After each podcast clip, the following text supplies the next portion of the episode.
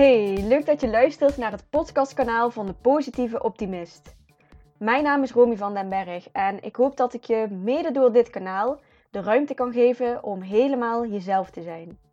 Met luchtigheid, spiritualiteit en een glimlach vertel ik je over mijn eigen processen en ontwikkelingen en alles wat me inspireert. Meer vrijheid, rust, vertrouwen, overvloed en overgave. Laten we nog meer gaan stralen en sprankelen. Dikke knuffel van mij en heel veel luisterplezier. Ik heb weer een interview voor jullie klaarstaan en deze keer met Patrick Kikke.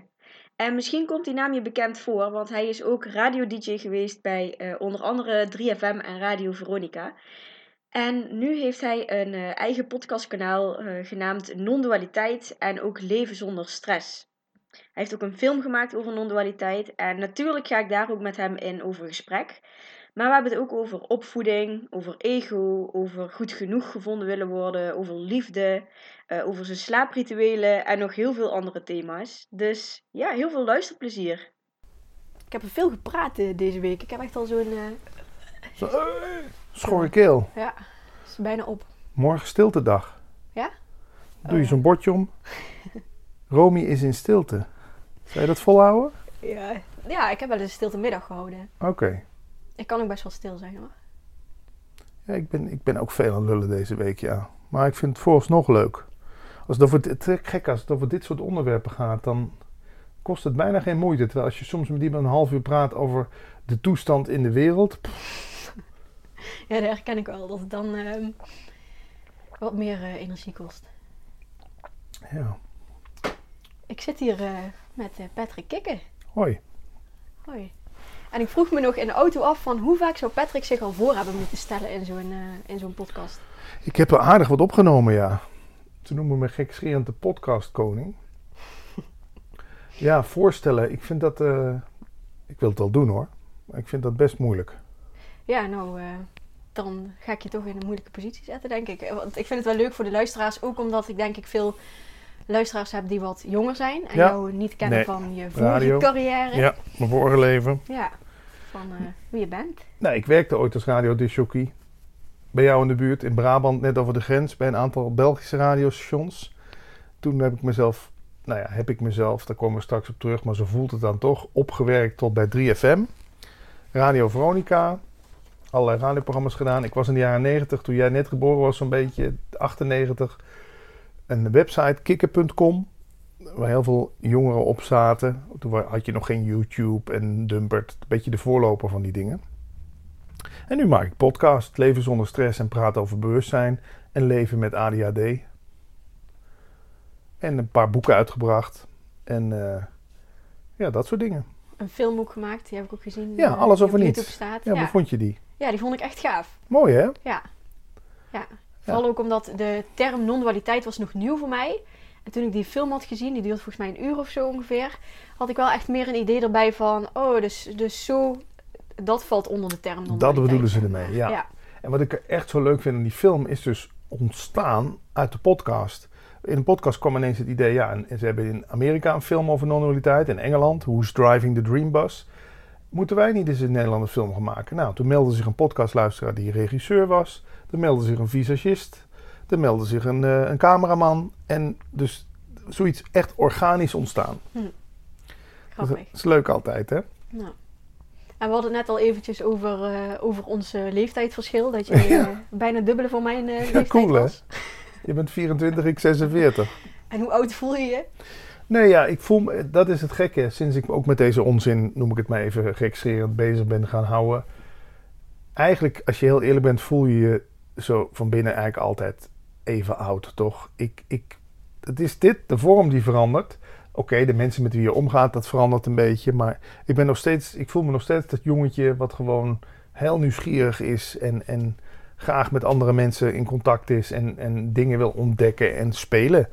Dus ik voel me eigenlijk sinds ik met spiritualiteit bezig ben gewoon tijdloos. Klinkt wel fijn. Ja, en, maar jij voelt ook niet als een 24-jarige, want ik heb natuurlijk ook wel contact wel eens met andere podcasters van die leeftijd. En ja, toch allemaal nog wat huppeliger, zeg maar. Zo. Of, of weet je, bij jou ook niet. Ik heb bij jou ook het idee dat ik gewoon dingen tegen je kan zeggen. dat je je niet meteen aangevallen voelt of niet meteen in de verdediging schiet. Snap je wat ik bedoel? Wat ja, ik- dat, is- dat is denk ik ook wel een beetje die fase van de leeftijd eh 18 plus tot richting je 30 of zo. Dat je een beetje nog in die wankele fase Ja. zit van wie ben ik. En eh, Maar dat heb jij niet. ja, ik denk dat ik dat een heel eind al wat vroeger heb gehad. Ja. dan. ja. Dus dat is prettig. Daardoor kunnen we ook gewoon een mooi eh, gelijkwaardig gesprek voeren. Wat ik altijd heel belangrijk vind. Hm. Dit is trouwens iced tea, hè? Ik zeg het er even bij. Niet een of ander reinigingsritueel waarbij ik mijn eigen urine zit te drinken. ja, zo ziet het er eh, op camera wel een beetje uit, ja. het is iced tea, groene iced tea. Ja, van de Lidl. Van de Lidl, ja. Hey, en waar krijg jij echt, echt energie van? Waar, waar gaat jouw lichtje van, van Nou, aan? dit. Hierover praten. Ik gewoon dit soort podcasts opnemen. En het gekke is, bij de radio had ik dan, laten we zeggen, op het laatst 100 of 200.000 luisteraars. En daar kreeg ik geen energie meer van. En hier maakt het me ook niet uit of dit nou 10 keer beluisterd wordt, 100 keer bekeken wordt, 1000 keer. Het is leuk als het mensen bereikt, maar het plezier zit hem nu in het doen. Dit gesprek. Daar bij de radio was ik altijd bezig met het resultaat. Hoeveel mensen luisterden, hoeveel appjes krijg ik binnen, hoeveel mensen zeggen dat ze naar me geluisterd hebben. Snap je wat ik bedoel? Mhm. Dus da- dat is echt wel een shift geworden. Ik haal nu gewoon de energie uit het, uit het doen zelf in plaats van het resultaat. En, en naast, naast dat zijn er andere hobby's, grote hobby's waar je je graag mee bezighoudt? Ik kijk veel documentaires, dat vind ik leuk. Maar maakt me niet uit, ik kijk er twee op een dag. Ik heb mezelf zelfs op een documentaire dieet moeten zetten. Want als je, ik zou zo de hele dag drie, vier, vijf documentaires kunnen kijken. Maar ja, dan heb je vierkante ogen en je hoofd is dan toch wel een beetje vol. Want ja, je, je bent ineens in vijf werelden tegelijk geweest op één dag. Alsof je met Mhm. het vliegtuig van Peru naar Amerika gevlogen bent en daarna naar België en daarna naar Frankrijk. Dus, en eh, weer terug in Nederland. Dus dat, eh, dat doe ik graag. En waar, waar krijg ik nou nog meer energie van? Ja, dat is een goede slapen. Doe ik ook graag. En eh, eten, ik vind eten toch leuk. Uiteten ook vooral. Maar alhoewel dat ook weer met name door de dingen waar jij ook last van hebt. Ik heb ook last van mijn gehoor. In een restaurant is natuurlijk niet de meest rustige plek op aarde. Hm. Dus dan ben ik altijd al van tevoren. Heeft u misschien een rustig plekje in, in, de, in de hoek? En eh, dan heb ik mijn oordoppen bij me. En dan, maar dan eh, moet je er zo mee opletten. Hè? Want ik ben dan nog, als ik dan daar zit, ben ik al niet ontspannen. En als ik dan zie dat er een gezin met vier kinderen binnenkomt, ben ik zelfs een soort havik aan het volgen. Shit, waar gaan ze zitten? Ja, dat is het al. Hè. Je bent ook al aan het voorbereiden op het geluid wat Oh, gaat komen. ja. Zeg maar. Dat hoort ook wel heel erg bij mijn symfonie. Ja. Dus dat. ah. Het is er al voordat het er is. zeg maar. En dat maakt mij niet altijd een leuker mens om mee te gaan uiteten. Want ik heb wel eens met mensen meegemaakt dat we drie keer op een andere plek zijn gaan zitten. Maar zoals nu heb ik dus de oplossing aan mijn sleutelbos hangen. Alpine oordoppen.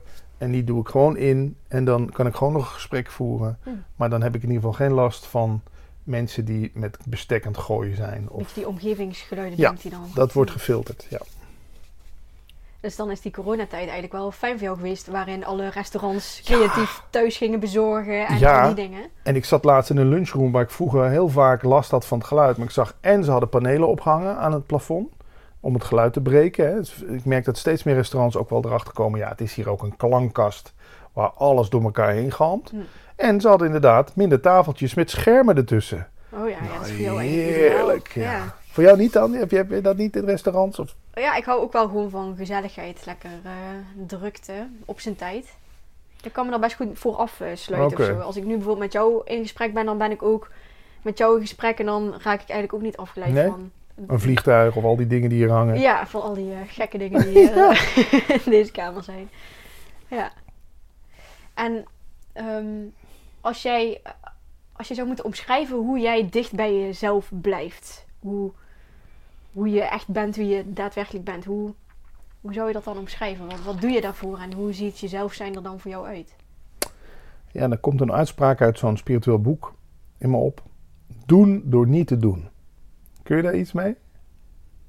Ja, dan krijg ik, eh dan gaan er bij mij ook van allerlei eh gedachten omhoog. Maar, eh, Eigenlijk doen, doen wat er in je opkomt. Toch de, de totale spontaniteit weer toelaten. Gewoon van, nou, blijkbaar is dit nu hoe ik, hoe ik wil zitten.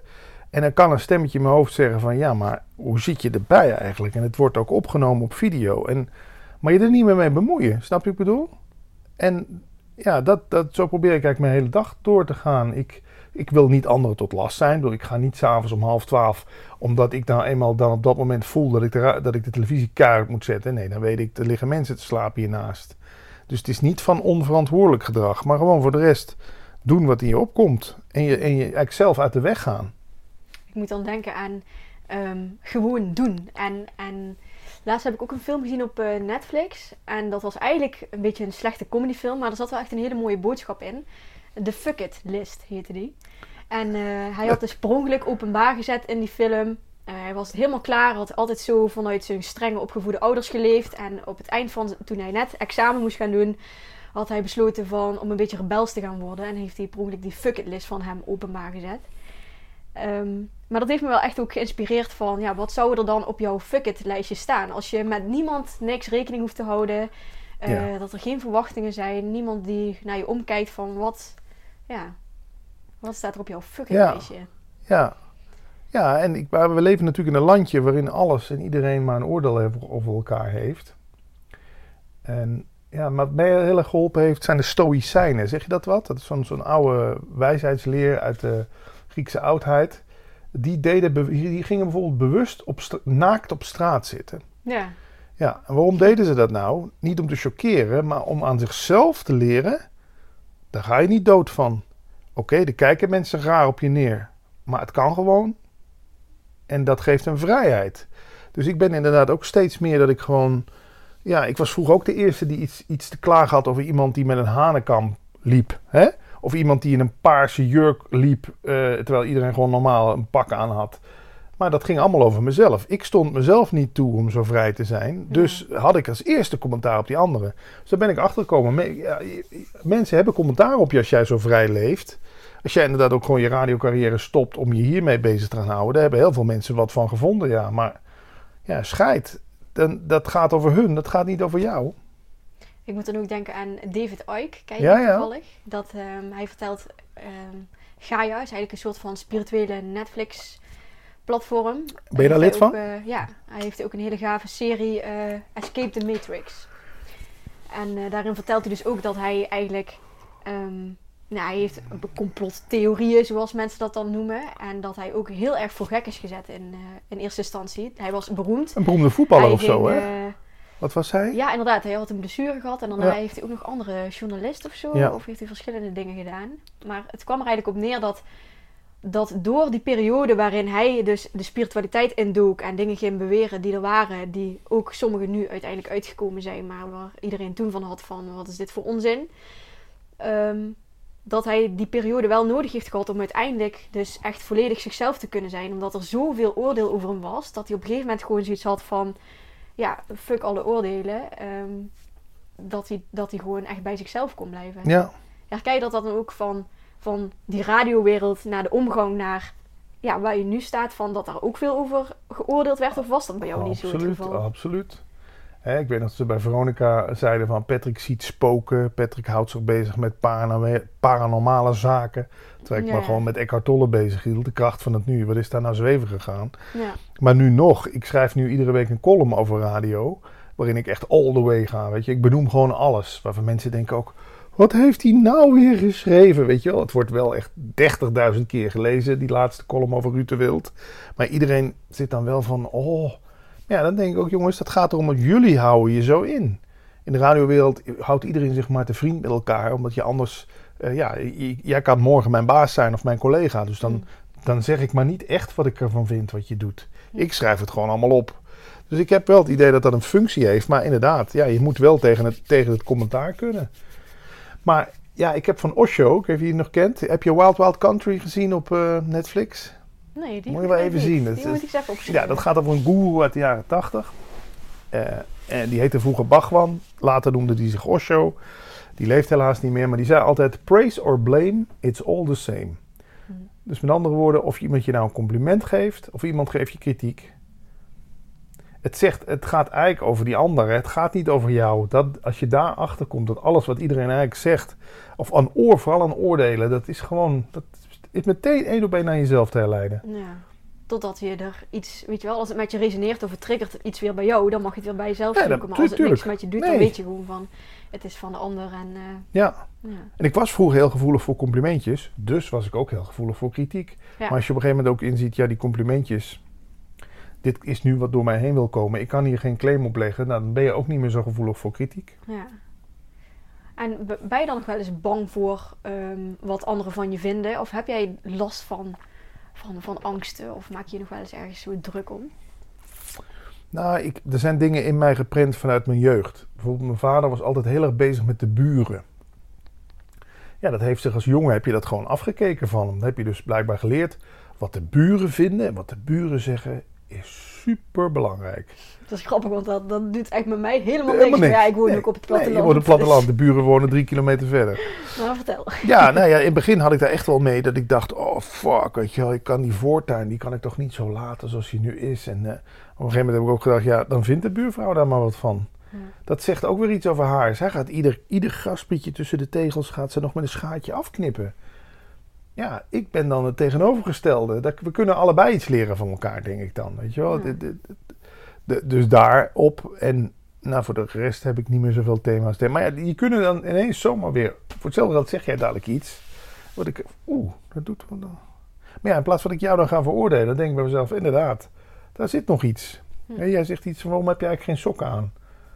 Ik, eh, ja, dat kan zeggen dat jij eh, allergisch bent voor blote voeten. Maar het kan ook zijn dat ik, ik vroeger altijd op mijn kop kreeg als ik geen sokken aan had. En dat, dat jij dat nu zegt, oeh, Dat je? weer iets triggert. eh, ja, ja. ja, dan kan ik boos worden op jou. Nee, dan, eigenlijk moet je zeggen, dankjewel.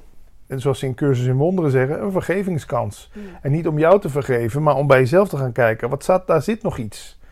Ik vind ook mooie, een mooie uitspraak. Lijden betekent groei. Dat je dan Ja. altijd... eh, ja. En dat is ook zo. Het is waar, hè? Ja. Ja.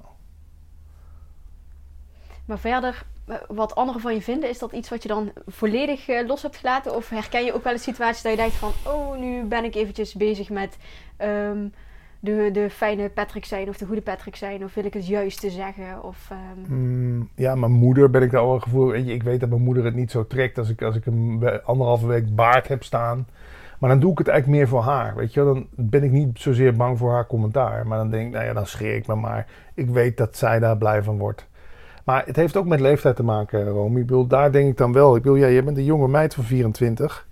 Toen ik 24 was, was ik ook nog veel meer bezig met. eh, maar het heeft ook met seksuele selectie te maken. Ik bedoel, ik heb me voortgeplant. Ik, ik, ik word wat ouder. Ik word kaler, grijzer, dikker. Ehm, toen ik 24 en zeker nog ook 35 was of zo, is dat, is dat veel belangrijker wat anderen van je vinden. Want ja, snap je? Je is ja, toch ja, in de ook relatiesfeer. een beetje een leeftijdsfase is inderdaad. eh. ik denk dat het sowieso altijd wel speelt. Want een, een angst op afwijzing of ehm, eh, er niet bij horen is iets wat gewoon in elke mens gewoon best wel diep gegrond Ja, ergens een eh, oerding, zit. hè? Als ja. je vroeger de groep kwijtraakte, Ja.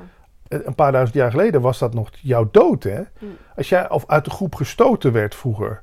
Daarom denk ik ook dat wij zo gevoelig zijn voor wat, wat we van elkaar vinden. Want ja, als je de groep kwijtraakt, ben je ten dode opgeschreven. Dat zit ergens nog in ons oerbrein geprent. Dus dat is er denk ik altijd wel. Maar het is denk ik inderdaad hoe ouder je wordt, hoe minder je daar ook naar gaat luisteren. Of eh, ja, dan heb je ook al meer meegemaakt. En dan zie je ook denk ik steeds meer in dat het ook allemaal niet zoveel uitmaakt. eh. Ja, en je wordt ook een soort van, ehm, het zal mijn tijd wel duren. Ehm, dan heb je maar een hekel aan me. Ja, wat is het nog meer? Het is een bepaalde rebelsheid die ook opkomt, hè? Want je hebt je, als je, ik weet, heb je ooit voor, ja, je hebt ook voor een baas gewerkt natuurlijk, hè?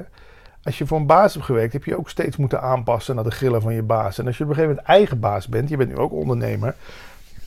Ik denk ook zo. En nu is het mijn tijd. Nu zeg ik gewoon op Twitter wat ik wil. Ik typ gewoon die columns wat ik wil. En niet om asociaal te zijn, maar om gewoon inderdaad een soort vrijheid terug te claimen. Autonom, autonomie.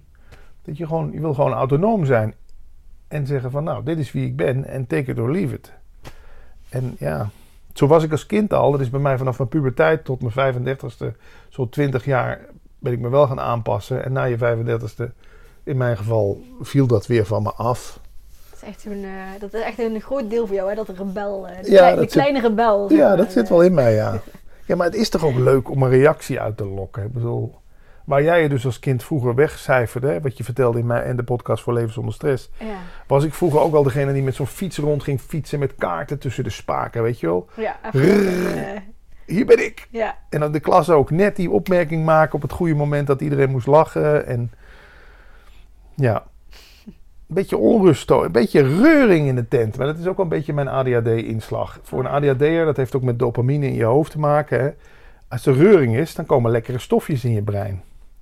Dus het is voor mij niks ergens inderdaad dan, een dag, dan de zondag bijvoorbeeld. Zo'n saaie dag.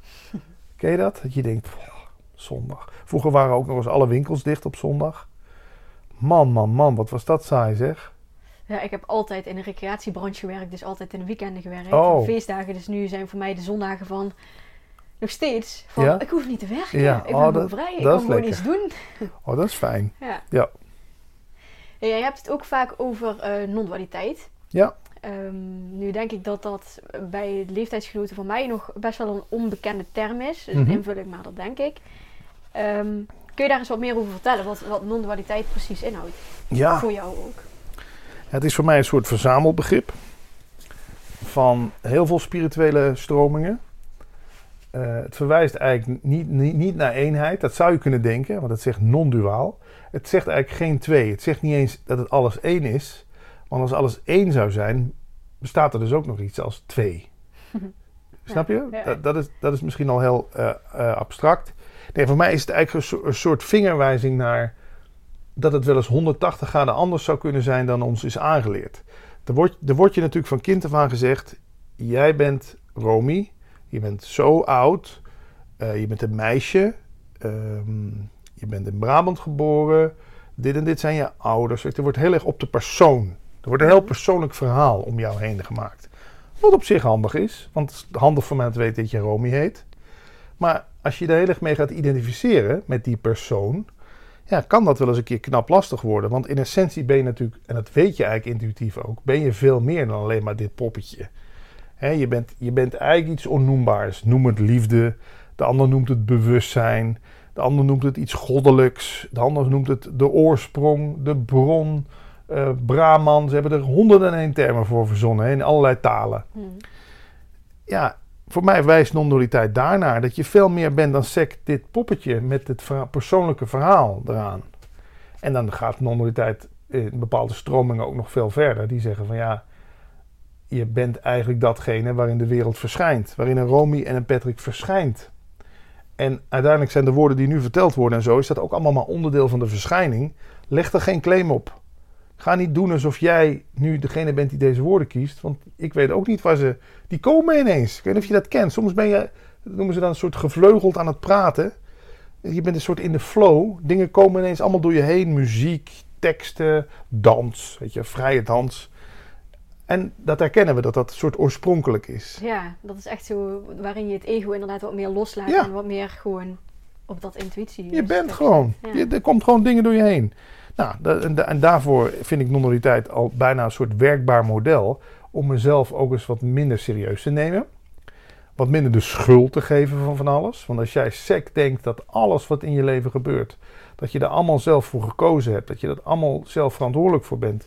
Dan krijg je nogal een, een zak met stenen op je rug. Van, oh, wat heb ik toch allemaal fout gedaan in mijn leven. En als je gewoon ziet, nou, dingen stromen door je heen dan kan je daar eens wat meer vrede mee hebben. Nou, voor mij gaat non-dualiteit daar onder andere over. Eh, ik denk dat de, de, de valkuil van mensen die met non-dualiteit bezig zijn ook kan zijn van dat je zoiets hebt van ehm, dan hoef ik verder niks meer te doen of Ja. zo, zeg maar. Hoe, hoe kijk je daar tegenaan? Of, Daar is ook een naam voor, dat noemen ze de Advaita Shuffle. Daar trapt eigenlijk iedereen in in het begin. Want dan Ja. gaat je ego ermee aan de haal. Hé, hey, maar dat is makkelijk. Ik hoef dus nergens meer verantwoordelijk voor te zijn. Ik kan gewoon doen wat ik wil. Ik hoef nergens de schuld voor op te nemen. Weet je. Daar, daar kom je wel gauw achter dat dat het niet is. Dat het, eigenlijk, dat het ook naast elkaar kan bestaan. Dus en waar jij mee bezighoudt, law of attraction, persoonlijke ontwikkeling.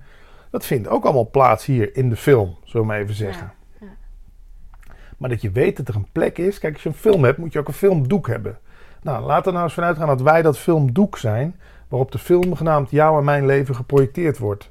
Dan wil dat nog niet zeggen dat je niet wil dat er in die film allemaal mooie dingen gebeuren. Of dat je niet andere mensen tot last bent. kan je wel zeggen, ja, het filmdoek heeft er toch geen last van wat zich hier afspeelt. Dat is waar. Maar ja, ik ben dan ook wel een voorstander van dat het in ieder geval nog een, een prettigere film is. Hm. Toch? Ja, dat lijkt me, lijkt me ook wel fijn. Dan zet Ja. ik hem ook graag voor in. Ja, bedoel het.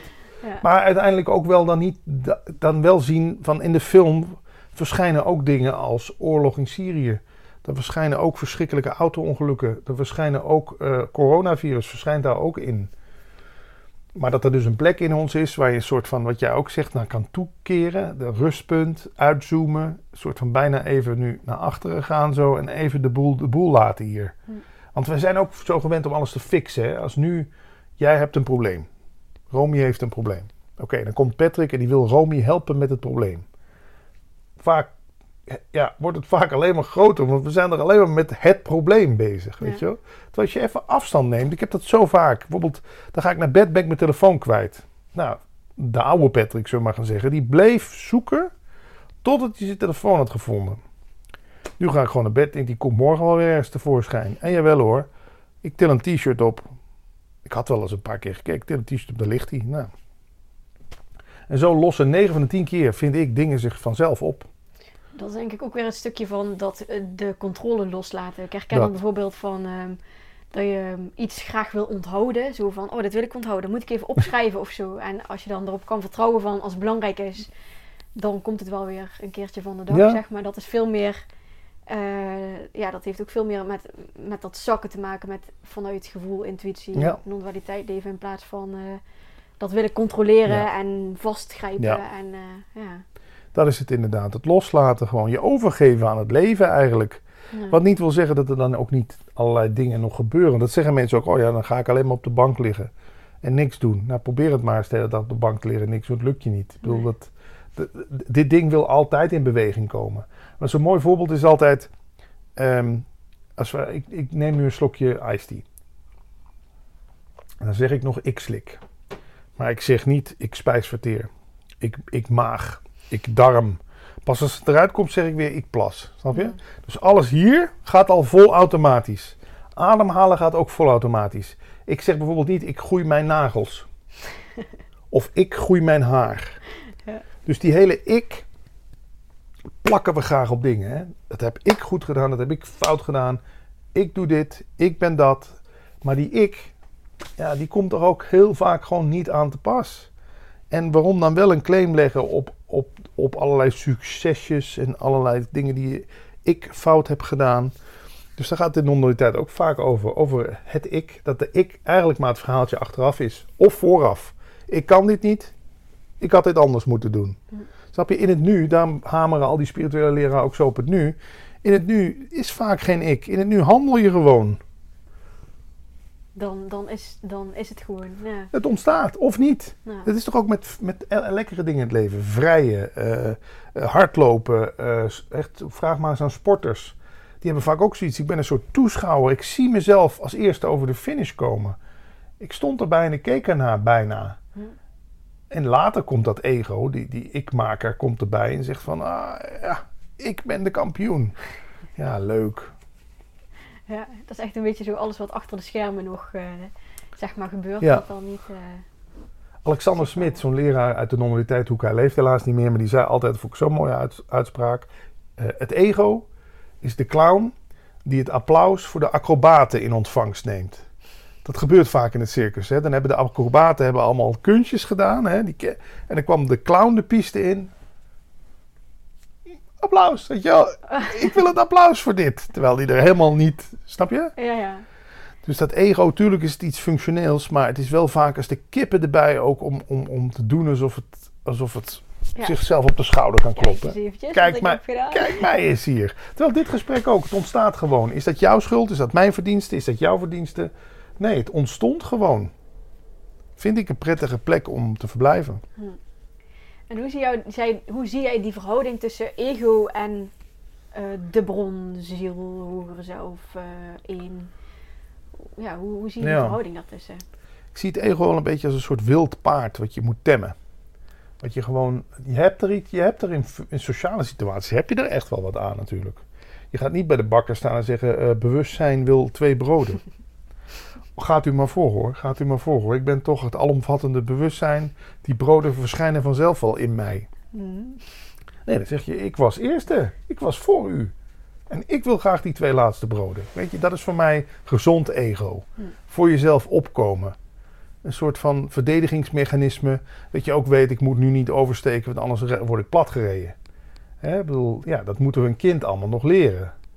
Dus wat dat betreft is een gezond zelfbeeld, als je het dan zo wil noemen, een soort eh, eh, eh, verdedigingsmechanisme. Maar op het moment dat dat op de troon komt te zitten en je de hele tijd aan het verdedigen bent, hè, en de hele tijd maar denkt: Oh, ik wil het grootste stuk vlees. Ik moet vooraan zitten. Ik moet het beste plekje hebben. Ja, dan word je egoïstisch. En ja, dat woord zegt het al. Ik vind dat, ja, dat egoïsme vind ik een van de ziektes van deze tijd.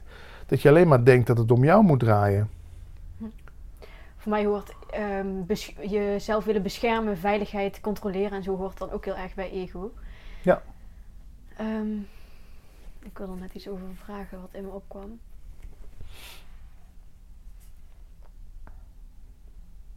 Mm, Ja, we hadden het ook in de, in de vorige podcast die, je, eh, waarin je mij interviewde over met twee voetjes op de grond blijven staan, zeg maar, ook, eh, ook aarde. En wat ik denk ik ook het mooie vind aan, aan ego is dat het, zeg maar, het is er niet als je baby bent. Het ontwikkelt zich, maar doordat je je ego ontwikkelt, kun je ook wel een soort van beter begrijpen en snappen wat, wat, wat er dan is, zeg maar. Ja. Omdat je anders, dat, dat contrast is ook weer nodig om te zien wat er dan nog meer is, zeg Ja. maar. Dat vind ik ook wel... eh, En vind je het ook niet leuk hoe een kind de eerste paar jaar van zijn, zijn of haar leven geen onderscheid maakt tussen een hand en een lamp? Snap ik bedoel? Ja. Ja. Die, die ziet gewoon alles als één verschijning in zichzelf. Die ziet handjes en lamp, maar weet niet, het zijn mijn handjes. Dat is de lamp van Pietje. Hm. Dat moet ze echt aangeleerd worden. Er wordt echt, want een kind zegt ook in het begin, eh, Jantje heeft honger. Nee, je moet zeggen, ik heb honger. Oh, ja, maar ik had het, Jantje heeft honger. Die praat nog vanuit een soort alomvattendheid. Ja, En die ziet dit gewoon als Jantje. Zegt Jantje heeft honger. Ja, dat klopt ook in zijn beleving. Je moet zeggen, ik heb honger. Die wordt he- je wordt als het ware helemaal in dat lichaam gedwongen of zo als kind. Ja. Wat natuurlijk best wel beperkend is. Ik denk ook wel dat het nodig is om uiteindelijk daar dan weer los van te komen. Dat het, dat het, het heeft een functie om dat ego te ontwikkelen. Ja. Ehm, maar ja, hoe kijk jij bijvoorbeeld, hoe kijk jij bijvoorbeeld naar opvoeden dan? Hoe, hoe mensen dat doen en, en hoe heb je dat zelf gedaan? Of hoe had je het anders gedaan? Of hoe kijk je daar tegenaan? Ja. Ja, ik ben daar ook nog niet helemaal uit. Maar ik vind wel opvoeden is eigenlijk gewoon ehm, toch begeleiden, maar niet voorschrijven. Het gebeurt natuurlijk ook veel. Hè? Dit hoort zo. Jij hoort je zo te gedragen. Ja, maar misschien zit ik wel heel anders in elkaar. Hè, dat begint al met iemand die links gaat schrijven. Dat ze met mannenmacht proberen iemand rechts te laten schrijven. Ja, maar hij of zij schrijft links. En om nog even terug te komen met het ego en opvoeding. Ik zie dan het ego als een soort van stallage naast het huis. Hè, dat moet dan nog afgemaakt worden. Moet nog geverfd worden, moet nog een dak op, weet ik veel. Maar op een gegeven moment is het wel de bedoeling, als het huis af is, dat de stallage wegvalt, toch? Dan is het huis af, dus gefundeerd, dat staat stevig. En dan hebben we niet meer die stallage nodig om het nog allemaal... Een beetje bij te houden Ja, en in, ja. in toom te houden. Ja, nee, gewoon dat kan weg. Maar ja, je ziet ook veel, heeft ook veel met loslaten te maken. Ik bedoel, ouders die hun kind niet durven loslaten. Mijn ouders zijn ook wel een beetje zo. Die, die nog steeds je dan bijna behandelen alsof je nog steeds 12 bent. Ja, hallo. Ik ben 46. Dus ik, op een gegeven moment ben ik me ook gestopt om mijn ouders alles te vertellen. Ik weet niet of jij dat ook doet. Maar wat niet weet, wat niet deert, toch? Oh, je bedoelt over, over spiritualiteit? Ja, bijvoorbeeld. ook. Ja. Dat je denkt, ja, dat begrip hebben ze toch niet. ja. Vertel jij ze alles? Ook als je Choco Bliss gedaan hebt of zo? Of, eh, Ik denk bij mij vooral, ehm, dan waak ik eigenlijk voor mijn eigen energie. Dus ik, soms vind ik het fijn om dingen te vertellen waarvan ik weet van dat gaat niet helemaal matchen met de andere persoon.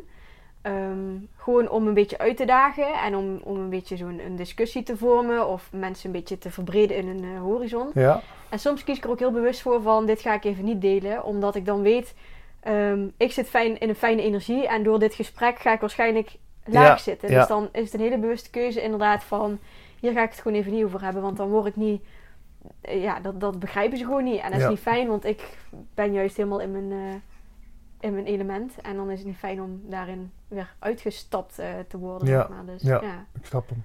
Zo, kunnen we jouw microfoontje iets naar beneden doen? dat kan zeker. Nou, meer. Mag ik het even voordoen? Wacht, als we het even zo doen, dan zit hij net wat meer richting je mond. Zetten mijn haren erin te... Nee, maar ik denk dat jij zo net iets beter te verstaan bent. Zo, Check. ook weer gefixt. Nou, dan zal ik eens even in mijn, op mijn blaadje gaan kijken. Want Ja. ik heb ook nog wat... Oh, nog wat voorbereid. Ben benieuwd. Hmm. Welke persoon heeft het meeste indruk gemaakt op jouw leven? Ja, toch Eckhart Tolle.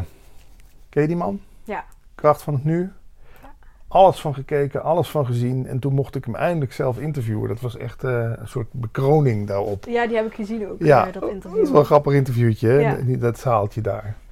Ja, dat, die man heeft, daar heb ik toch wel veel van, eh, van geleerd. Ja.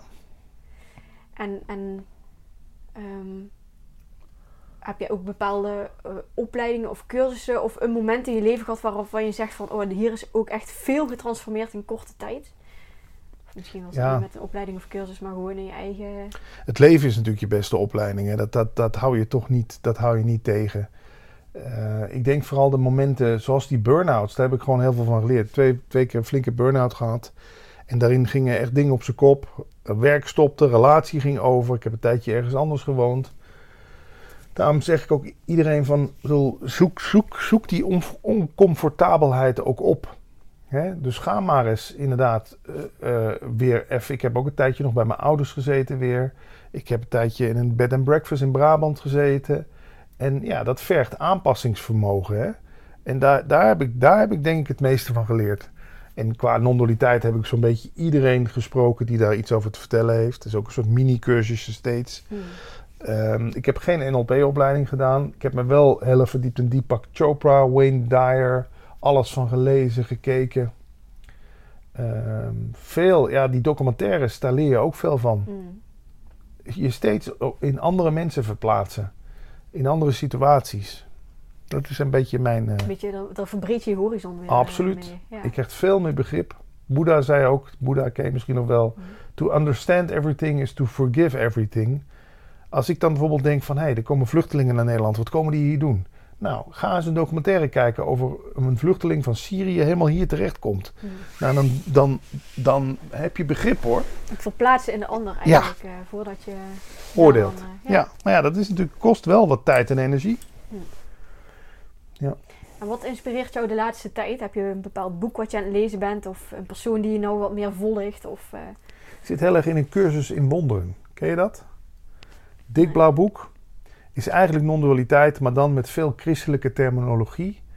Eh, het verhaal gaat dat dat boek door Jezus gechanneld is. Nou, daar, daar hou ik me allemaal niet zo mee bezig. Maar voor mij gaat de essentie van een cursus in wonderen... Ja, gaat heel erg over vergeving. En dan niet vergeven van de ander, maar het vergeven van jezelf. Alle oordelen die je over jezelf hebt. En alle, alle, alles, alle zelfbeschuldiging eigenlijk. En daar heb ik laatst ook nog een workshop over gedaan met Koos Jansson. Man die er ook op de bank heeft gezeten. Er is van de cursus in wonderen is ook een dagelijkse les op, eh, op eh, YouTube, maar ook op Apple Podcasts en op Spotify. Die luister ik vaak. Ja, dat heeft mijn hartje wel gegrepen, cursus in wonderen. Ja, ECIW wordt het ook wel genoemd.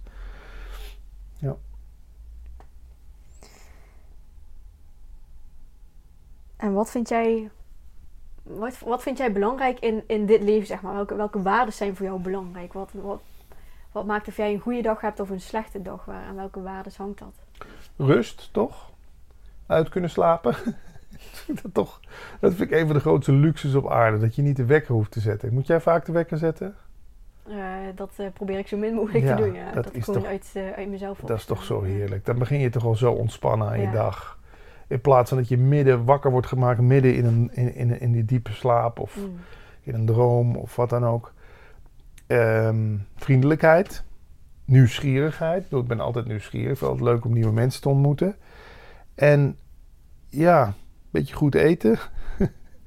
ik denk, ik- en, dankbaarheid, toch ook wat jij ook zegt. Gewoon niet altijd maar meer willen. Dat was ik vroeger ook. was ook gerupsje nooit genoeg, weet je wel. Dan had het vandaag mooi weer moeten zijn.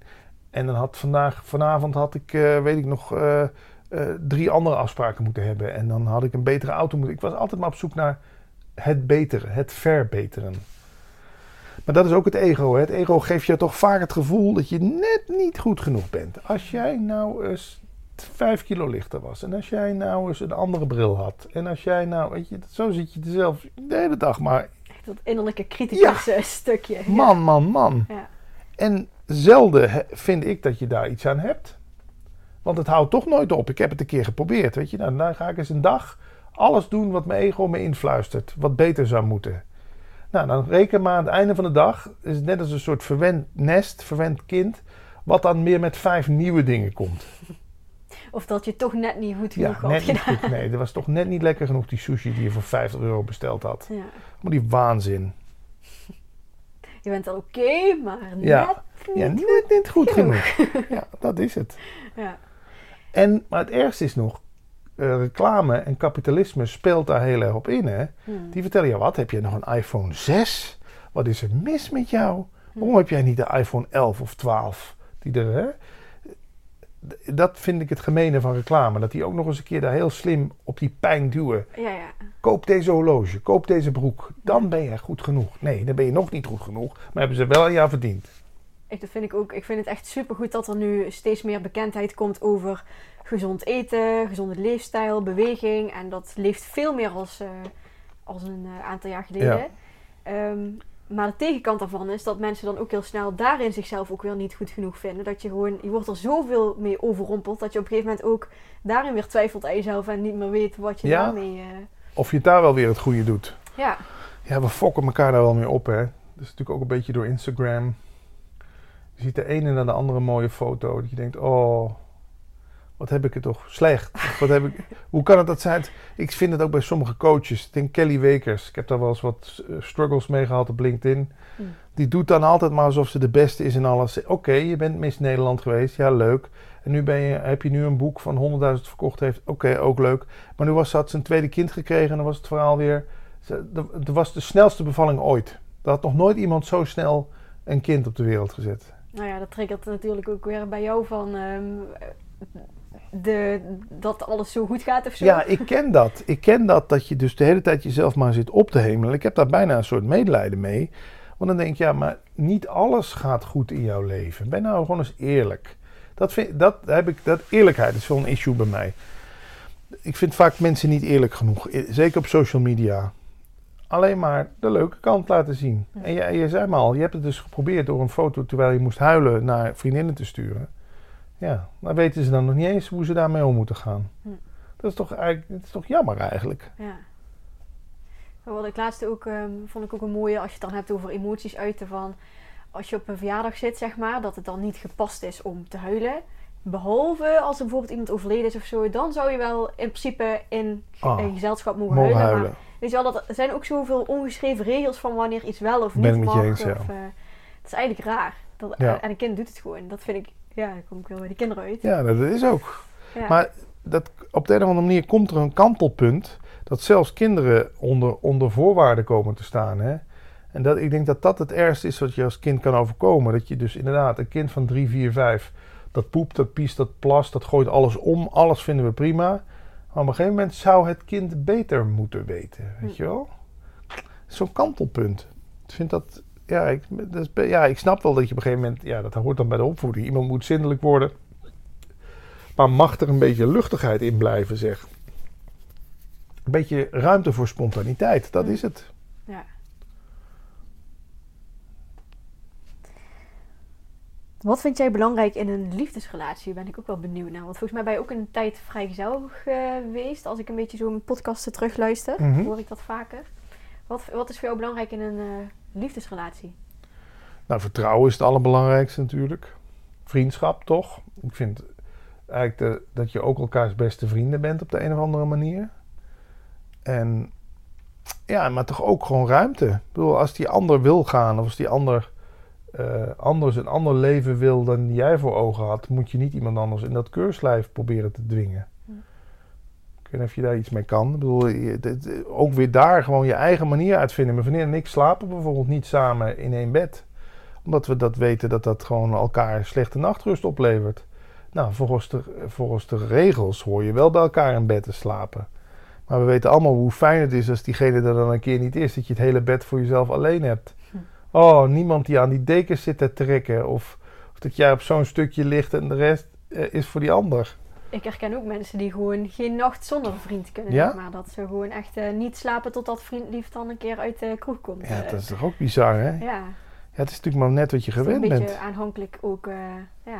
Ik snap het wel, maar ik- je kan toch ook gewoon... Ik pak dan wel zo'n kussen vast, zo. ja, je hebt gewoon zo'n knuffelkussens. Ja. hè. Die staan ook. Of je, maar je hebt ook verzwaringsdekens. Hoe slapen, dat is wel een interessant onderwerp. Ik heb een tijdje, ben ik ook na die tweede burn-out heel angstig geweest.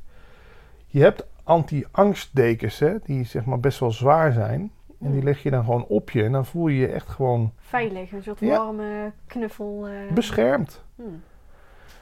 Dus ik heb wel een heel ritueel voor het slapen gaan. Ik heb ook zo'n ding voor mijn ogen, weet je wel, tegen het licht. Oordoppen in. Ik luister vaak dezelfde podcast voordat ik in slaap val. Ik heb wel een heel slaapritueel, ja. Dezelfde podcast, ja, die je al bijna uit je hoofd kent of zo. Dan. Klopt. Dat- Die stem van diegene geeft me dan een heel Heb je gerust. al een keer opgebeld van, wil je even een keer iets inspreken voor me? Of, eh, Nee, dat zijn podcasts vaak uit deze reeks, of uit de reeks Leven zonder stress. mhm. Van gewoon, sommige mensen, ken- herken je dat niet? Die hebben zoveel rust en liefde Ja, en warmte in hun stem. Ja. Je denkt, wauw. Het is net alsof diegene op de rand van je bed gewoon jou in slaap komt praten. ja, lekker met een aai over je bolletje. ja, lekker. Ja, fijn hè? Ja. Ja, dat doe ik dan zo'n beetje.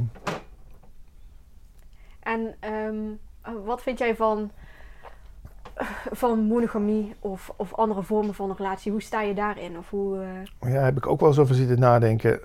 Ik denk dat ik er te scheiterig voor ben om, om, om dat eens open te breken. Of zo. Ik denk dat mijn vriendin er nog wel meer oren naar zou hebben dan ik. Want je breekt nogal wat open, hè? hmm. Ik, ik, ik volg ook die documentaires allemaal wel. Ik heb ook gekke dingen gezien van iemand die er gewoon zwanger is van een ander. Terwijl ze dan, terwijl ze zwanger is, krijgt ze nog een andere vriend erbij. En ja, het is. Ik vind vanuit liefde gezien vind ik het heel mooi. Want waarom, waarom zou je. Liefde is toch iets wat zich wil verspreiden. Hè? En, en dan heb ik nog niet eens over het seks, seksstuk, maar gewoon het lief zijn voor elkaar. Dat, dat, dat, ja, dat, maar, dat vind ik altijd zo stom. Dat had ik wel eens met, met een vriendin. Die was dan lief voor mij, maar ze deed bot tegen haar buren en tegen de mensen in het verkeer en tegen de serveerster in een restaurant. Toen dacht ik, ja, zo lief ben jij dus niet.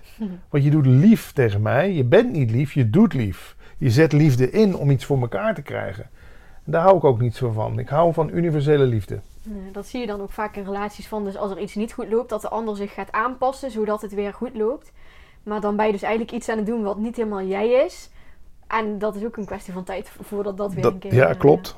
ja. Dan ga je helemaal in allerlei bochten wringen om het maar te laten werken. Hè? Ja. Ja, de liefde, dat, dat is natuurlijk onze grootste leerschool. ja. Dat zegt eh, Jan Geurts ook altijd zo mooi. eh, ja. Ja, zegt hij dat ook? Ja. ja, dat liefde gewoon, daar zitten zoveel triggers in, zeg maar. Ja. Dat roept zoveel angst ook bij ons op. En, en dat iemand weggaat en of dat je niet goed genoeg bent, of Ja. dat je afgewezen wordt. Ja. Dat zit er allemaal ja, helemaal in. eh, Dit is ook heel kwetsbaar. Maar ik heb respect voor mensen die gewoon ook lang vrijgezel kunnen zijn. En die gewoon genoeg hebben aan zichzelf. ja. Ik vind dat altijd wel mooi. Hm. Want de- iemand anders kan ook niet jou compleet maken. Daarom heel veel van die liefdesliedjes slaan ook nergens op, toch? You complete me. I can't live if living is without you. Ja, ja, precies. Dat, is, dat had ik vroeger ook echt gezegd, maar nu zou ik dat niet, eh, nu zou ik dat niet zeggen. Vroeger was het ook, maar toen hing ik ook zo op aan mijn vriendjes, zeg maar. Ja. Die, die zorgden ervoor dat ik weer zeg maar, de dag doorkwam. Ja, Ja, en op een gegeven moment ben ik wel gaan inzien van... ehm, het is fijn dat het er is, als het er is. Maar ehm, alleen kan ik het ook, zeg maar. Ja. ja. Dat je niet afhankelijk wordt. dat is het. En e- e- een liefdesrelatie is toch vaak op ego gebaseerd. Hè? Elkaars tekorten opvullen. Elkaar maar de hele dag zeggen hoe leuk je bent. Hm. Maar als ik boos op je bent, zeg ik je vandaag niet tegen jou hoe leuk je bent. Weet je, dat, dat spelletje. Ja, ja, dat zijn ook zoveel van die gniepige spelletjes. Ja. Het is gewoon koehandel, zoals Jan van Delden dat noemt. Het is gewoon, het is gewoon eh, uitwisseling van Ja. waarde. Lekker elkaar op de knoppen drukken. Dat Ja. kun je dan een liefdesrelatie... Zeg maar, je partner kan dat toch ook het meeste. Ja. Hoe kijk jij naar het, ehm, het leven- en doodconcept? Oh, wauw. Dat is een mooie vraag. Ja, vanuit non-dualiteit wordt gezegd... in principe ben je nooit geboren en ga je nooit dood. Dat wat jij bent, het filmdoek, waar we het er straks over hadden... dat is gewoon tijdloos. Dat, is, dat was er al altijd, dat zal nooit weggaan. De vormen, die veranderen, die verdwijnen. Een bloem komt op en een bloem verwelkt. Een wolk komt voor de zon en een wolk gaat weer weg. Plas water droogt op, noem maar wat. Ja, zo is dat met zo'n lichaam ook. dat, dat, eh, dat komt op en dat gaat weer. Ja, en als je, als je dus, hoe minder je met, met dit ding identificeert, hoe minder bang je ook voor de dood Hm. bent. Dat herken ik zelf ook wel heel erg, ja. Ja, want eh, er is iets in jou waar je dan achter komt of zo, wat gewoon niks met dood en leven te maken heeft. En ik weet dat dat voor veel mensen heel nihilistisch kan klinken of zo. Van ja, maar we, we- hallo, ik moet dit toch ook niet gaan verwaarlozen? Nee, natuurlijk stap je onder de douche en voed je dit lichaam en ga je naar de kapper en weet ik wat allemaal. Maar het helpt toch al voor, als je als voor 30% minder kan identificeren met dit lichaam. Oké, Als je dat kent, dan is dat, dat geeft al zoveel ruimte. En minder angst dus om, om er niet meer te zijn. En geloof je dan ook in, in vorige levens? Of wat denk je dan dat er... Wat denk jij waar jij al allemaal geweest bent? Zo, eh? Nou, ik ben in mijn dromen al eh, Napoleon van Frankrijk geweest. En ik ben Oh. in mijn dromen al eh, de keizer van eh, Duitsland geweest. Nee, ik geloof zelfs erin dat we eigenlijk iedere nacht doodgaan, als je het dan zo bekijkt. En iedere ochtend weer geboren worden. Hmm. Kijk, als je, het- als je het seks ziet als die diepe droomloze slaap vannacht, hè, dan, ben je, dan, dan is er niks, toch? Dan ben je, kan je ook niks meer van herinneren, behalve dat je weet dat je lekker diep geslapen hebt. Nou, dan zijn er mensen in non-dualiteit die ook zeggen, in die diepe droomloze slaap, dan ben je eigenlijk wakker. Dit is de droom. Snap je? Die draaien het helemaal om. ja. Die zeggen wat je in essentie bent, is die diepe droom. Wat eigenlijk diepe droomloze slaap is, komt daar het dichtste bij. Ben je gewoon heerlijk zalig, gewoon opgelost in dit geheel. En dan 's ochtends, wop, verschijnt daar weer die wereld. En hebben we hier weer allerlei dramaatjes en dingetjes te doen. En En ergens herinner je dan toch elke keer wie, zeg maar, wie je bent hier op deze aardbol. Ja. ja, En na, na een dood denk ik dat er dan weer iets nieuws ontstaat... waarin je ook weer even vergeet wat er daarvoor al ja, eh, je sterft. En dan, nou, dan is er weer de mogelijkheid tot een andere wereld. Als je het zo ziet, in mogelijkheden. Ja, dat, ik vind dat wel een leuke, leuke manier van daarnaar te kijken. Hm. Dus ik ben niet zo bang om dood te gaan. Want ik weet eigenlijk, s'avonds, s'avonds ga ik ook in bed liggen in de hoop. Niet in de hoop dat ik dood ga. Maar wel in de hoop dat ik weer helemaal even loskom hiervan. Moet je je voorstellen, dat het is volgens mij ook de ergste straf die ze mensen kunnen geven in een gevangenis. Wakker houden. Dat- Als, als jij vijf, zes, zeven dagen wakker bent, word je krankjorum. Ja. Je kan niet zonder die diepe droomloze slaap. Dat is ook wel bijzonder. ja. Dat zegt ook wel wat, hè? Ja. Ze doen alsof we zo graag in leven zijn, maar ja, blijf maar zeven dagen lang zonder slaap in leven. Dan spreek je dan nog wel een keer. Ik vind ook, eh, geloof je in, in astrologie of in ehm, sterren? Ja, daar heb ik wel eens een beetje in verdiept, ja. Ik vind het zo grappig. Laatst hoorde ik in een podcast ook ehm, dat we eigenlijk ook maar gewoon ast- astronauten zijn hier op deze aardbol. En eh, dat vond ik ook zo'n leuk begrip van wij, zijn, wij proberen op andere planeten te komen, zeg maar, om daar eh, te kijken of daar iets is. Maar ergens is het toch ook een keertje, zeg maar, andersom geweest. Ja. Dat- ja, Dat we hier ineens waren. ja. Ja, en ik vind het mooi als mensen zeggen, je bent sterrenstof. Dat is natuurlijk Ja. ook zo. Dit is allemaal spontaan ontstaan hier op deze aardbol. Hè, we waren ooit gewoon van die kleine kikkervisjes die zo blablabla, of weet ik nog wat we daarvoor waren. Het is wel grappig, hè? En dat heeft zich allemaal geleerd om te praten en te wandelen. En... Ja, Ik weet niet of daar per se allemaal beter van wordt. eh, Nee, precies. eh, Ik- ik- technologie ja, en... eh, nee. Ja. altijd een interessant onderwerp, vind ik. Waar je dan ook... Er blijven ook altijd gewoon vragen over of zo, zeg maar. Maar dat maakt het ook wel gewoon leuk, vind ik. ja, daar kan je lekker op blijven knabbelen, hè? En dat is ook het leuke van... Kun je die vragen ook gewoon... De vragen, dat is ook een beetje ego, hè? Om op alle vragen een antwoord Ja. te willen hebben. Van, kun je ook gewoon een vraag stellen zonder antwoord? Gewoon met vragen blijven. Ja. Dat zeggen ze in Ook Zen. die onwetendheid en... Ja. ja. De je krijgt geen antwoorden, maar de vragen lossen op. Weet je, op een gegeven moment ben je zo moe gezocht. Want spiritualiteit is toch ook wel het beste. Kijk, jij staat, je bent nog jong, maar als je daar 20 jaar verder bent en je bent nog steeds een waarheidszoeker, zoals in mijn geval toch ook nog wel een beetje is. Op een gegeven moment kun je er toch ook wel een beetje vermoeid van raken. Want je moet niet denken dat je ooit het ultieme antwoord gaat vinden. Dat ga Nee. je toch niet vinden. Nee. Je, het verrijkt je wel heel erg. Je komt met hele leuke mensen in contact. Je wordt zelf een leuke mens. Maar de, die arrogantie dat je wel even de code van het universum gaat kraken. Maar dat is ook vanuit ego, hè? Dat wil begrijpen. Ja. Maar, ja. Ja, die, maar dat, dan denk ik, dan kan ik er eindelijk vrede mee hebben. Als ik weet hoe het zit. ja. Vertel me hoe het hier zit. Vind ik ook grappig de term zweverig. Dat vind ik zweverig. En als je dat dan zeg maar terug gaat brengen naar de kern, dan is het gewoon van iets wat ik niet helemaal kan bevatten of Ja, begrijpen. ja. En daarom, eh, Ja. ja. Ja, ja, ja. Ja. Ja, mensen willen graag concrete antwoorden. Ik ook. Ik was ook altijd van het is of zo, het is of zo. Maar ik heb hier met zoveel mensen op deze bank gesproken, een paar honderd. Op een gegeven moment ga je inzien, het kan ook zo en zo Ja. zijn. Er Of zo en zo. ja, er is niet één ultieme waarheid. Ja. En dat, dat maakt je ook denk ik een leuke mens. Als je gewoon voor dingen open durft te staan. Het zou waar kunnen zijn.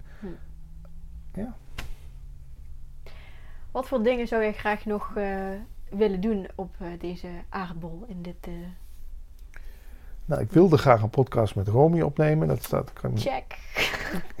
kan er vanaf. Nee, wat lijkt me dan nog eens leuk. Eh, cabrio zou ik graag willen rijden. Ehm, Deepak Chopra zou ik nog graag willen interviewen. Ken je die? Ja, Gewoon een interessante man. dat is ook zo'n fijne stem. Ja, oh wauw. Ja, voor de rest. Ik hoop dat mijn ouders nog even een tijdje leven. Dat zou ik leuk vinden.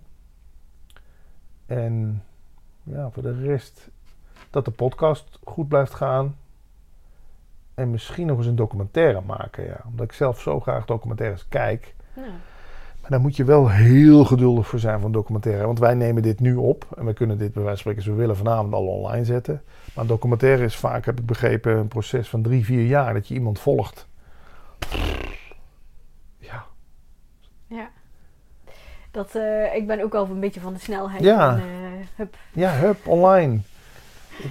Dat is, komt natuurlijk niet altijd ten goede, maar ik, ja, ik ben wel iemand die resultaat wil zien. Ik heb gisteren iemand, die, iemand iets opgenomen en dat heb ik s'avonds of 's middags online gezet en dat is nu al bijna duizend keer bekeken of zo. En iets van twintig reacties. Dat is toch leuk? Ik bedoel, ieder, ieder mens wil toch een soort steentje in een vijver gooien en dan die rimpelingen zien. Ik bedoel, dat, dat, ja, als er al iets leuk is hier, dan vind ik dat. Ja, toch resultaat of iets Ja. eh, zien wat je teweeg hebt Ja, gebracht. Of ja. Zo. ja. Omdat het gewoon. En je weet ook, ik bedoel, jij gaat nu. Ik ben dadelijk, als jij weg bent, weer net iets anders geworden door onze gesprekken. En jij gaat hier ook weer net iets anders de deur uit. Dat vind ik ook zo leuk aan dit soort podcasts. Dat je gewoon elkaar toch net even iets. Ja, eigenlijk, ik kijk mee in jouw model van de Ja. wereld, zeg maar. En, en jij kijkt even Ja. bij mij. En dan pluk je er iets uit Ja, of niet. Of dat beïnvloedt elkaar. Of, eh, Ja. En dat, dat vind ik er zo mooi aan. Maar dat doen, we, dat doen we denk ik ook. Daar hoeft het echt geen twee keer een uur voor te zijn. Volgens mij gebeurt dat ook als jij inderdaad bij de kassa staat in de Ja. supermarkt. En je doet even net wat vriendelijker tegen diegene achter de kassa. ja. Die doet weer net wat vriendelijker tegen de volgende klant.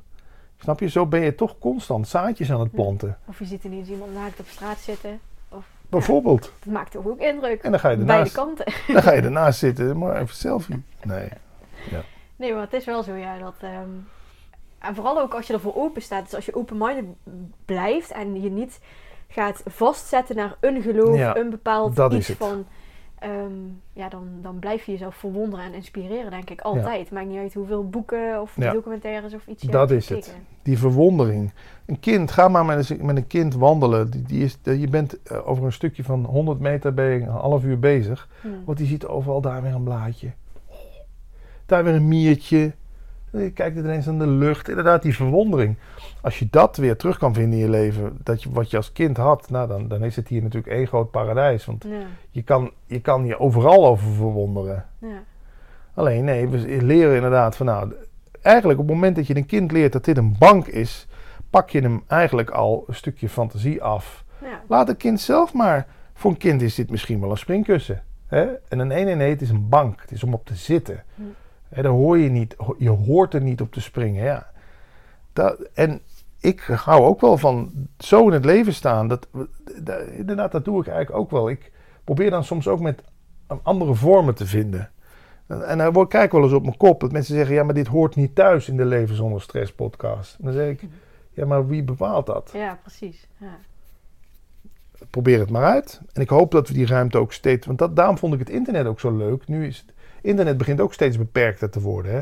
Dan mogen we ineens geen foto's meer van Zwarte Piet op Facebook zetten. Oké, ik hou er rekening mee. Maar het, je, internet was een soort creatieve vrijplaats. ja, je wordt toch steeds meer ook geconditioneerd, ook vanuit. ehm, ik denk dat de, dat de media ook best wel wat macht heeft over ehm, wat wel en niet getolereerd wordt, Gangbaar zeg maar. is. Ja. En de overheid net zo goed, zeg maar. Ja. Je wordt toch steeds meer geconditioneerd in... eh, Ja. ja. Dat is wel jammer. Ik hoop dat we gewoon, en daarom is spiritualiteit, misschien trekt me dat ook wel zo, die vrijheid. Dat als jij beweert dat jij ontvoerd bent door aliens, dan nemen we dat gewoon even gewoon voor waar aan. Ja. Ik ga mee in jouw verhaal. En ik ga niet meteen zeggen van onzin, aliens bestaan niet. Nee, want dan sla ik jouw verhaal dood. Ja. Dat doen we in het dagelijks leven wel inderdaad veel. Hè? Je, eh, eigenlijk het feit dat ik jou al een vrouw noem, daarom vind ik het best leuk dat mensen nu een soort genderneutraal door het leven willen gaan. Mm. Eigenlijk beperk ik jou al een beetje door jou een vrouw te noemen. ja.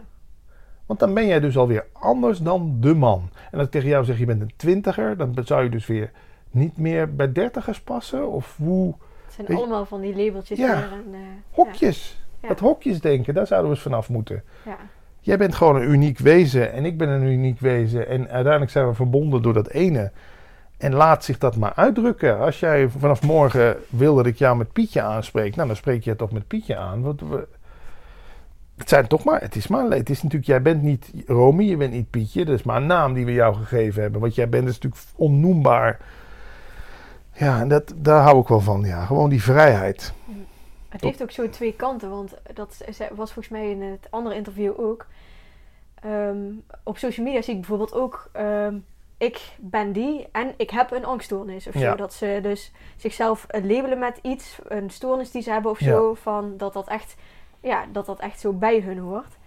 En van de ene kant is het denk ik fijn om, zeg maar, je te herkennen in een diagnose of in eh, ehm, een label.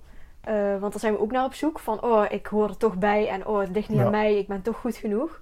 En anderzijds kun je daar ook weer in verliezen van en jezelf daar weer helemaal mee gaan identificeren van, ja, maar ik heb een angststoornis. En Ja. hoe, ja, hoe moeilijk wordt het dan om daar nog vanaf te komen als je daar helemaal in mee gaat identificeren. En het ego is er als de kippen bij om het als excuus te gebruiken. Hè? Ja. Nee, ik kan dat niet. Nee, want ik, heb, ik ben suikerpatiënt, ik kan dat niet. Ik heb een angststoornis, ik kan dat niet. Nee, ik ben vorig jaar gevallen, ik kan dat niet. Ja. Dat zeg ik ook steeds tegen mijn vader. Je kan meer dan je denkt, pa. ja. De wonderen zijn de wereld nog niet uit. Dat is ook echt zo'n echt zo'n lekkere Romy-uitspraak. Ja? Ja. Hey, je ziet dat we al een, eh, een uur aan het eh, kletsen zijn. En een minuut, ja, te, te gek. Dat, dat gaat snel, hè? Ja. Heb je je blaadje afgewerkt? Ja, zo, eh, Zo goed als, zo hè? goed als wel. Ja. Ik weet niet als je zo terugkijkt naar het gesprek wat we hebben gehad. Of misschien een heel ander thema van wat, wat is nog een boodschap die je graag zou willen meegeven aan, eh, aan mijn luisteraars. Ehm, maak je niet te druk over het leven, want je overleeft het toch niet. Hmm, dat vind ik een mooie. Ja. Ja. Of zoals een collega ooit van me zei: neem het leven niet te serieus. Je overleeft het toch niet. Dat is het gewoon. Neem het leven gewoon niet te serieus. En ik weet wel dat mensen zeggen: ja, maar dan komt er niks terecht van mijn leven. Maar dat.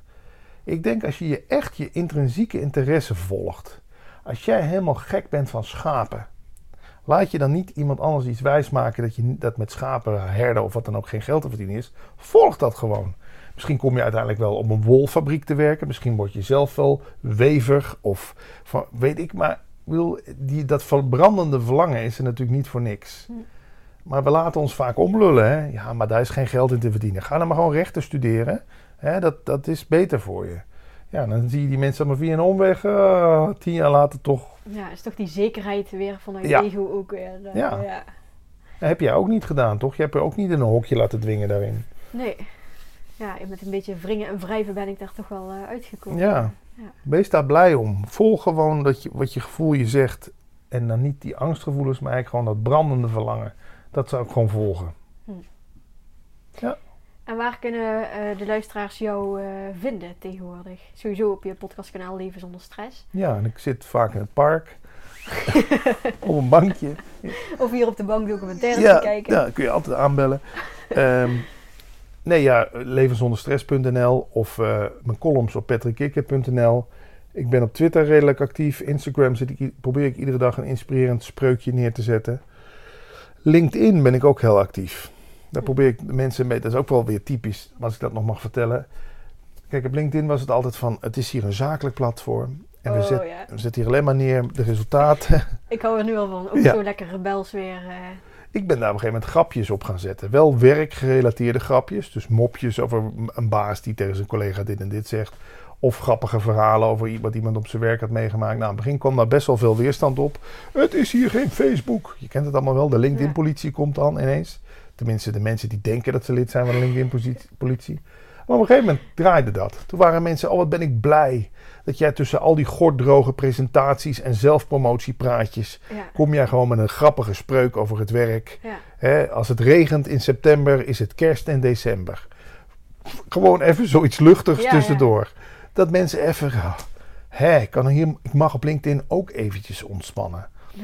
Nou, dat heeft zich dus gedraaid. En daardoor heb ik op LinkedIn iets van meer dan 20.000 eh, connecties. En zie ik ook gewoon als ik zoiets plaats, dat het meteen ja, gewoon opgepakt wordt meestal. Ja. En dat is inderdaad zo'n voorbeeld van als jij gewoon denkt dat, dat het wel kan. Laat je niet vertellen, volgens mij las ik dat bij jou ook ergens. Laat je niet ontmoedigen en zeggen dat het niet kan. Als jij denkt dat het wel kan, ga het gewoon proberen. Ja. En wees in eerste instantie, laat je niet te gauw afschrikken door mensen die dan zeggen, dat hoort niet zo hier. Alles wat anders is, alles wat boven het mooisveld uitsteekt, eh ja, voor Ja. vindt. Ja. Gewoon doen. Dat is een mooie laatste boodschap. Graag Dankjewel, gedaan. Patrick. Jij ook. En eh, er is dus ook nog een gesprek andersom. Dat staat bij Leven zonder stress. Of op YouTube, het kanaal Non-dualiteit. Die hebben we inderdaad ook nog. Check. En- gehad. De film Alles over niets, daar was jij fan van, hè? Ja, precies. Die staat ook op YouTube. Kun je gewoon lekker eh, Ga eens kijken. gratis kijken. Uurtje plezier. Nou, houdoe en bedankt. Olé olé. Fijn dat je nog luistert. Als deze aflevering je heeft geïnspireerd, dan zou ik het super leuk vinden als je hem gaat delen op social media. Daar help je mij en ook anderen mee. Dat kan bijvoorbeeld door een screenshot te maken of via de deelknop op Spotify. Via iTunes kun je ook een review over dit kanaal achterlaten. Wil je meer weten over mijn onderneming of wil je nog meer gratis geïnspireerd worden?